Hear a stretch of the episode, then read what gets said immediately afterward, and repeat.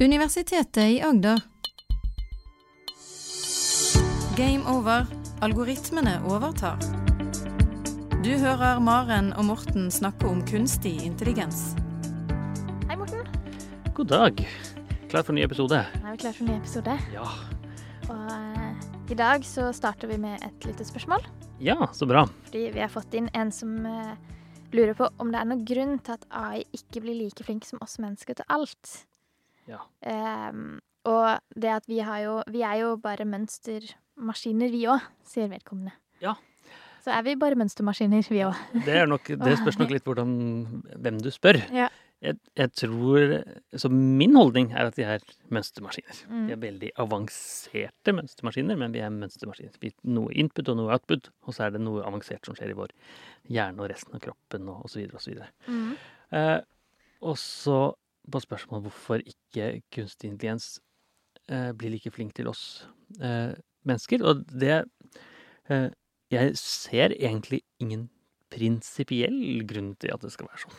Okay. Men i, det er en rekke begrensninger i dagens kunstig intelligens som eh, ikke er begrensninger hos oss mennesker. For i dagens kunstig intelligens har vi jo snakka om egentlig er ganske dum. Det er, den kan det vi lærer den. Ja, den har f.eks. alltid et mål den må løse. Ja. Den Trenger en premie. den trenger en premie, den trenger en Mm. belønning. Mm. Og trenger, hvis man øh, jobber i spill, da, som disse forsterkningslæringsvariantene her, Mm. så trengs, trenger den reglene for spillet eksempel helt tydelig. Men egentlig trenger vi mennesker òg. Vi trenger jo ehm, Vi trenger jo noen retningslinjer, vi trenger en belønning, barn. Ikke nødvendigvis mer enn et blikk eller et smil, eller et, men man trenger noe form for at oi, dette er riktig, dette er feil. Mhm. Noe korrigering. Jeg har forstått sånn at det, det finnes flere former for belønning Mm. det finnes hos oss mennesker. Det er ekstern belønning, som er sånn man får tilbakemelding fra andre, eller man får mat, eller noe sånt. Mm. Og så kan man internt belønne seg selv. Mm. Nå har jeg skjønt noe. Indre motivasjon. indre motivasjon og indre belønning. Ja. Og i kunstig intelligens-verdenen så er jo de veldig nært knyttet med hverandre. De har sånn, du kan ha en sånn ekstern belønning fra miljøet, Mm. fra sjakkspillet eller noe sånt, Mm. og så har du den interne belønningen som du også kan ha. Men den, de er matematisk nesten det samme, veldig nært knyttet, så man kan veldig fort argumentere for at det ikke finnes noe intern belønningssystem hos kunstig intelligens, Nei. fordi den er veldig, veldig nær den eksterne. Fordi den kanskje ikke har disse følelsene. Ja, følelser spiller en rolle Mm. eh, vil jeg påstå. Og kunstig intelligens er i hvert fall ikke følelser, tenker Nei. jeg. Men det er selvfølgelig noen som prøver å løse akkurat det. Og Ja, for vi har jo snakka om uh, AlfaGo, Ja.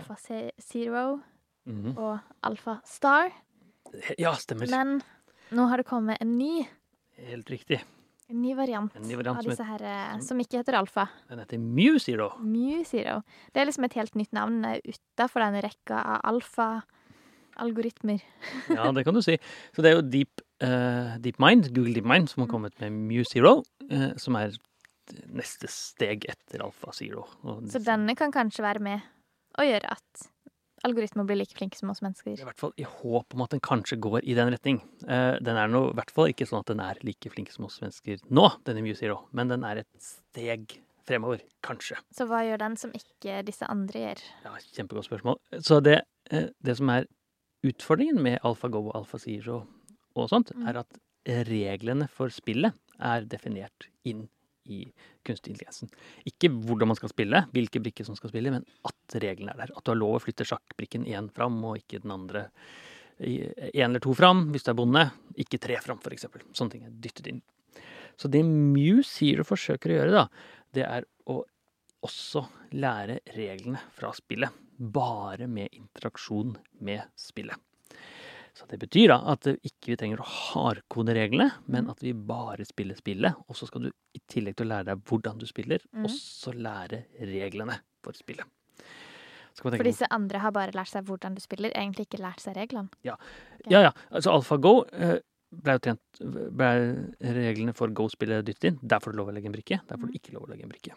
Også Alfa Zero, som kom en generasjon etterpå, så trente den opp mot seg selv, men det er fremdeles reglene. Du fikk ikke lov å legge eh, en stein utenfor brettet, for eksempel. For den har jo på en måte noe av det samme. Den heter jo Zero. Det er Zero. Zero betyr eh, ingen data. Ingen data. AlfaGo var det menneskelige data. Begynner helt uten data.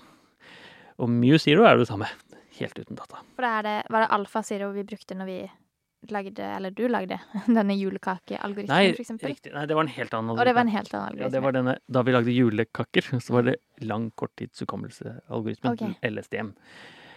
Alfa Zero brukes for å spille spill, ingenting annet. OK, ingenting annet, nei. Og det, og det jeg mener et godt poeng, for den kan bare spi- Alfa Zero kan spille Go, mm. shogi og sjakk.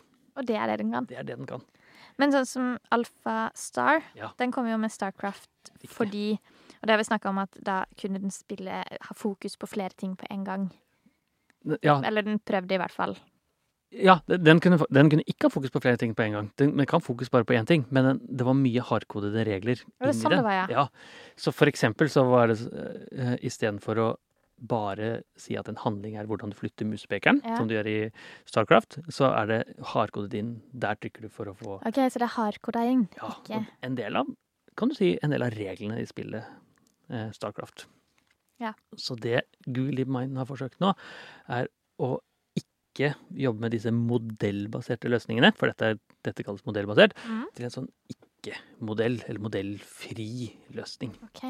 Det er flere som har forsøkt det før, eh, og det har ikke fungert sånn kjempebra. Okay. Men nå forsøker man på en litt annen måte. Så en av de som har forsøkt på sånne modellfrie løsninger, er en som heter Jørgen Schmiedeber. Han eh, har vi snakket om før. Det var han som lagde den langtidshukommelsesalgoritmen. Ja. En av de storhetene. Lang korttids... Lang korttidshukommelse, helt riktig. Bra, bra påpeking. Og min egen eh, en kollega av meg, Per Anne Andersen, har også jobbet med det. Og fått til ganske bra resultater, men ikke perfekte. Okay. Så det disse modellfrie løsningene før Mew Zero har gjort, det er at de har hatt en tilstand, altså et tilstand i spillet, sjakkverden, så Mm. nå står sjakkbrikkene sånn, eh, eller i Pacman eller eh, eh, Mario eller noe sånt, og så skal man da prøve å gjette, gitt at jeg flytter mot høyre, hva neste tilstand er.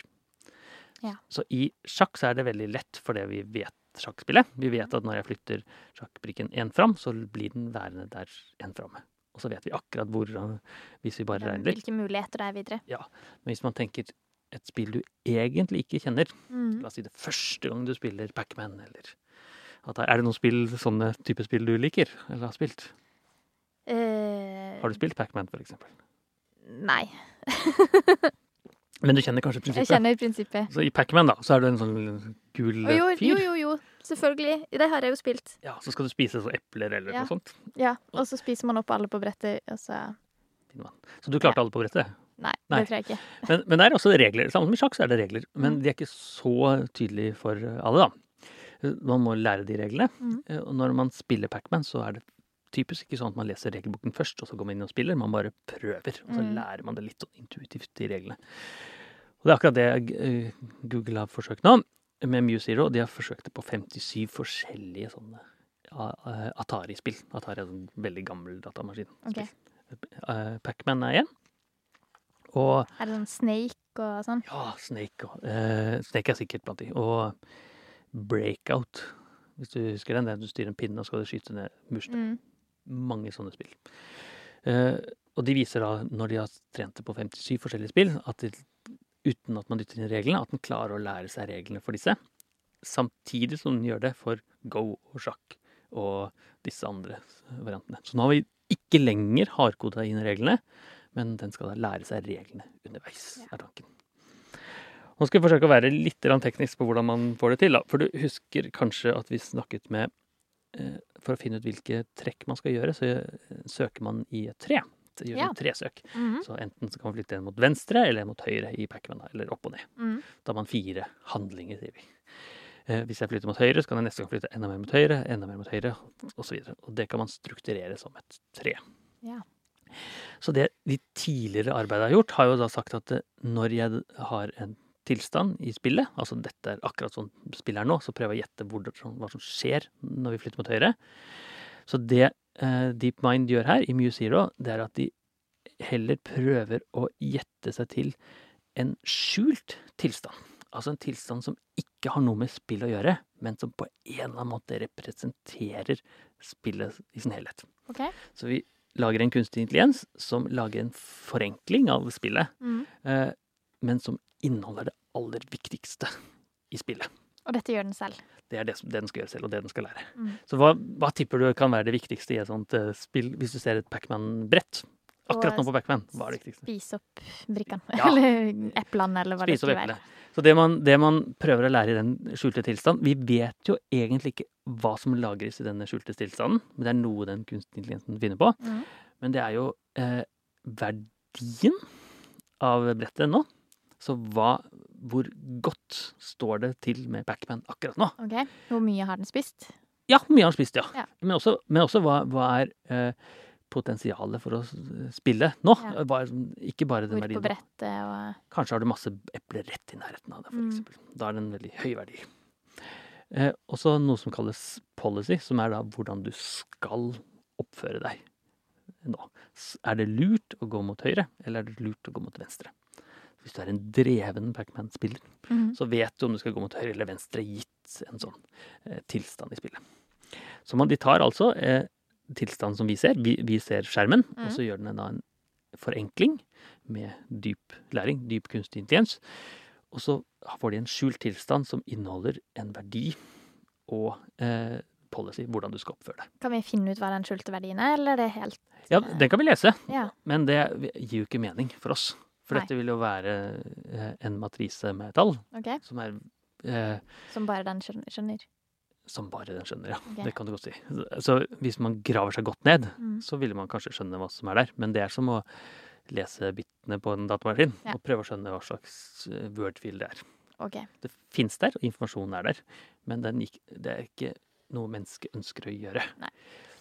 Men det er et veldig godt spørsmål, for det, det er jo litt av poenget. At det, det fins noe i tilstanden som er mye viktigere å huske på, som ikke er det samme som vi ser. Ja. Og det trikset Deep Mind gjør med Mew Zero, det er at den istedenfor å for til gjette neste tilstand, neste brett, så gjetter den neste skjult tilstand. Der. Okay. Så istedenfor å si at når jeg går mot høyre, så flytter antageligvis Pacman mot høyre. Mm. Så sier jeg nå er jeg en skjult tilstand som på en eller annen måte representerer Pacman-verden. Og så gjetter jeg hva neste skjulte tilstand er. Og neste skjulte tilstand. Og neste skjulte tilstand. Så hvordan gjør dette at det kan bli bedre? Det som gjør at den kan bli bedre, er at det- er mye enklere å lagre denne skjulte tilstanden enn alt som skjer i spillet. Fordi den er så mye mindre, eller? Det, det er en del av det som er mye mindre. Og Ok. så koker man da suppe på den eh, Eller man koker vekk alt vannet i suppen, på en måte. Så okay. man bare får det essensielle. Ja. Okay. I et Pacman-spill så kan man jo tenke seg at det er hvor Pacman er. Hvor Mm. eplene er. Det er Hvor bare det spøkelsene er. absolutt viktigste. Det Absolutt viktigste. Og når man da har minimalisert vekk nesten alt Mm. som ikke er vesentlig, så er det mye lettere da å gjette hva neste skjulte tilstand er. Ja. Og det gjør da at en i et sånt tresøk Jeg lurer på hva neste handling skal være. Skal jeg Mhm. flytte meg opp, venstre, høyre, opp og ned? Så kan jeg da hele tiden gjette hva den neste skjulte tilstand er, og gjette, hvis jeg går oppover, hva slags type belønning er det jeg egentlig får da. Mm. For det er jo belønning disse kunstige intelligensene hiler etter. Ja, ja. Og det viser seg da at når den trener det opp Den prøver mange ganger, og så får den en sånn histogram-type ting. Er- Nå har jeg prøvd venstre, høyre, opp og ned 10 000 ganger. Mm. Og så, eh, og så finner den ut at ja, ja, jeg får mest belønning når jeg går mot høyre. Da prioriterer den å trene mot høyre. Okay. Så den delen av treet blir mer eh, populert. Altså, flere greiner og flere blader på ja, den delen man av prøver treet. mer mot høyre. Ja. Og det kalles et Monte Carlo-tresøk. Okay. For man har et tresøk, altså man går til et tre, men så mm. prioriterer man de delene av treet som er eh, man tror er mye viktigere, eh, og tror gir mye høyere belønning Ja. etter hvert. da.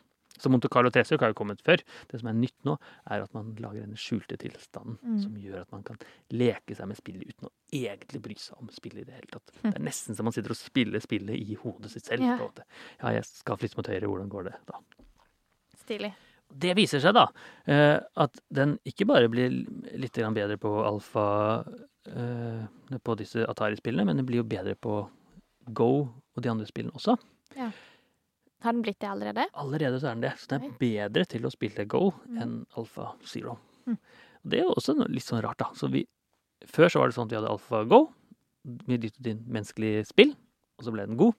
Så fjerner vi menneskelig spill og spilte mot hverandre i Alfa Zero, så ble den enda bedre. Så fjerner vi reglene, så blir den enda bedre da. Ja. Så liksom, det, sånn, eh, gir ikke helt mening, men det viser at det er akkurat det den gjør, da.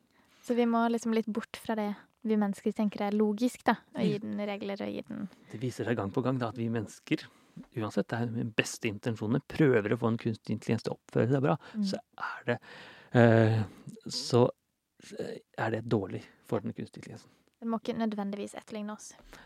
Nei, det, Vi må nei, ikke tenke på samme måte som vi gjør med et menneske. nei, jeg tror det er feil å tenke vi skal lage en menneskelig kunstig intelligens. Og selv når vi liksom prøver å fjerne alt det menneskelige, så blir det litt sånn menneskelig Mm. Det er litt som vi snakka om tidligere med fly, som Eh, skulle ja. ligne på fugler først, og flakse. Mm. Og det har DeepMind forstått. da. Og det de viser, da, er at når de får det til ikke bare på disse tre spillene, Go og sjakk og sånt, men får det på 57 spill hvor man ikke har dyttet inn reglene, så er vi på vei mot, da, for å si det pent, mot en litt mer generell variant av disse. Vi er jo ikke på den generelle kunstig intelligensen, for vi kan jo mye mer enn å spille Atari-spill. Men vi kan jo spille alle Atari-spillene veldig, veldig bra. Men hva kan dette brukes, brukes til sånn på sikt, etter alle disse spillene som skal spilles? Ja. Så det, det er masse man kan tenke seg. Man kan jo f.eks. tenke seg en sånn selvkjørende bilmekanisme. Ja. Man slipper å hardkode inn reglene for verden om. Man kan bare lage en skjult tilstand. Så jeg tror at når jeg kjører mot høyre her, så eh, kommer jeg til å få en veldig høy straff, for da krasjer jeg i noen. Mm. Istedenfor å gjette at når jeg kjører én meter fram, så krasjer jeg, så er det en sånn skjult tilstand som bare inneholder essensen, Mm. Eller alt som, alt, egentlig alt som har med forsterkningslæring i sånne komplekse miljøer. Må tenke veldig, veldig fort, da. Ja, ja. Det må tenke veldig fort. Men det går, øh, øh, det går fortere å tenke fort når man har kokt suppe Ja. og bare har essensen, bare essensen. enn når man trenger å tenke For den må ikke bruke tid på å koke denne suppa. Det må den faktisk. Den må Ja, bruke den må litt det. tid på det i treningen, men den, det går mye raskere. Ok. Eh, den bruker faktisk den samme prinsippet som hvis du husker vi hadde de ordene som ble blei sånn konge minus mann pluss Ja. kvinne. Mm. Det er også en koking av supping. Det kalles en koding. Så tar liksom ordene, og så koker man suppe på det. Og så Mm. prøver man å generere akkurat den samme teknikken som brukes der. Stilig. Så det er mange av disse kunstig intelligensteknikkene som spiller, spiller ball sammen, da. Mm. Og så er vi på vei mot ikke å løse alle menneskelige problemene, men et steg til, da. Som er bra. Høres bra ut. Så det er eh, Sånn er kunstig intelligens hverdagen. Plutselig kommer DeepMind med en veldig genial løsning som folk ikke tenkte på. Men hvorfor, eh, vet du hvorfor de har endra navn plutselig? For de har jo liksom hett Alfa først på Ja, alle de til nå. Plutselig nå så er det Mew. ja godt spørsmål. Zero er i hvert fall ikke data. Mew det er jo en en ny gresk bokstav. Ja. Så eh, kanskje de syns alfa var. Kanskje de syns alfa var eh, brukt opp. Nå var det brukt opp. Nå var det nok. Veldig godt kanskje vi kommer en, for en rekke med Mew. Det, det kan godt være. Eh, at det kommer noe Mew eh, Ja, la oss si det. Ja. Eh, ja, Ellers er det en, veldig, en som er veldig glad i Pokémon. Det er vel en Pokémon som heter Mew, er det ikke det en? Pokémon som heter Mew, ja. Jeg tror det. Så hvordan ser den Pokémon ut? Eh, nei, det er jeg ikke helt sikker på, men okay. vi hadde et dverghamster en gang som var oppkalt etter Mew, altså en Pokémon. Etter på min Ja, så det kan jo være en. Pokémon Ja. der. Så de eies jo av firmaet Alphabet, Google. Så de har jo sånne bokstaver. Mm. Alfa og Zero og eh, Alfa og beta og så videre. Så det kan jo være noe der. Hvis kanskje noen, det er noen lyttere der ute som vet hvorfor den heter Mew. Kanskje det. I så fall så vil vi gjerne ha, Ja, ha en mail. Det vil vi gjerne. Ja. Eller en Facebook-post. Eller Og send oss gjerne spørsmål òg. Ja. Gameover, krøllalfa, øya.no. Og hvis noen har lyst til å lese den artikkelen, så heter den eh, 'Mastering Atari Go, Chess and Shogi by Planning with a Learned Model'. Det kan de google seg til. Du hører Maren og Morten snakke om kunstig intelligens. Har du spørsmål til Maren og Morten, send en e-post til gameover.alfakrølluia.no. Du har nå hørt en podkast fra Universitetet i Agder. Du finner flere podkaster fra UiA på uia.no podkast.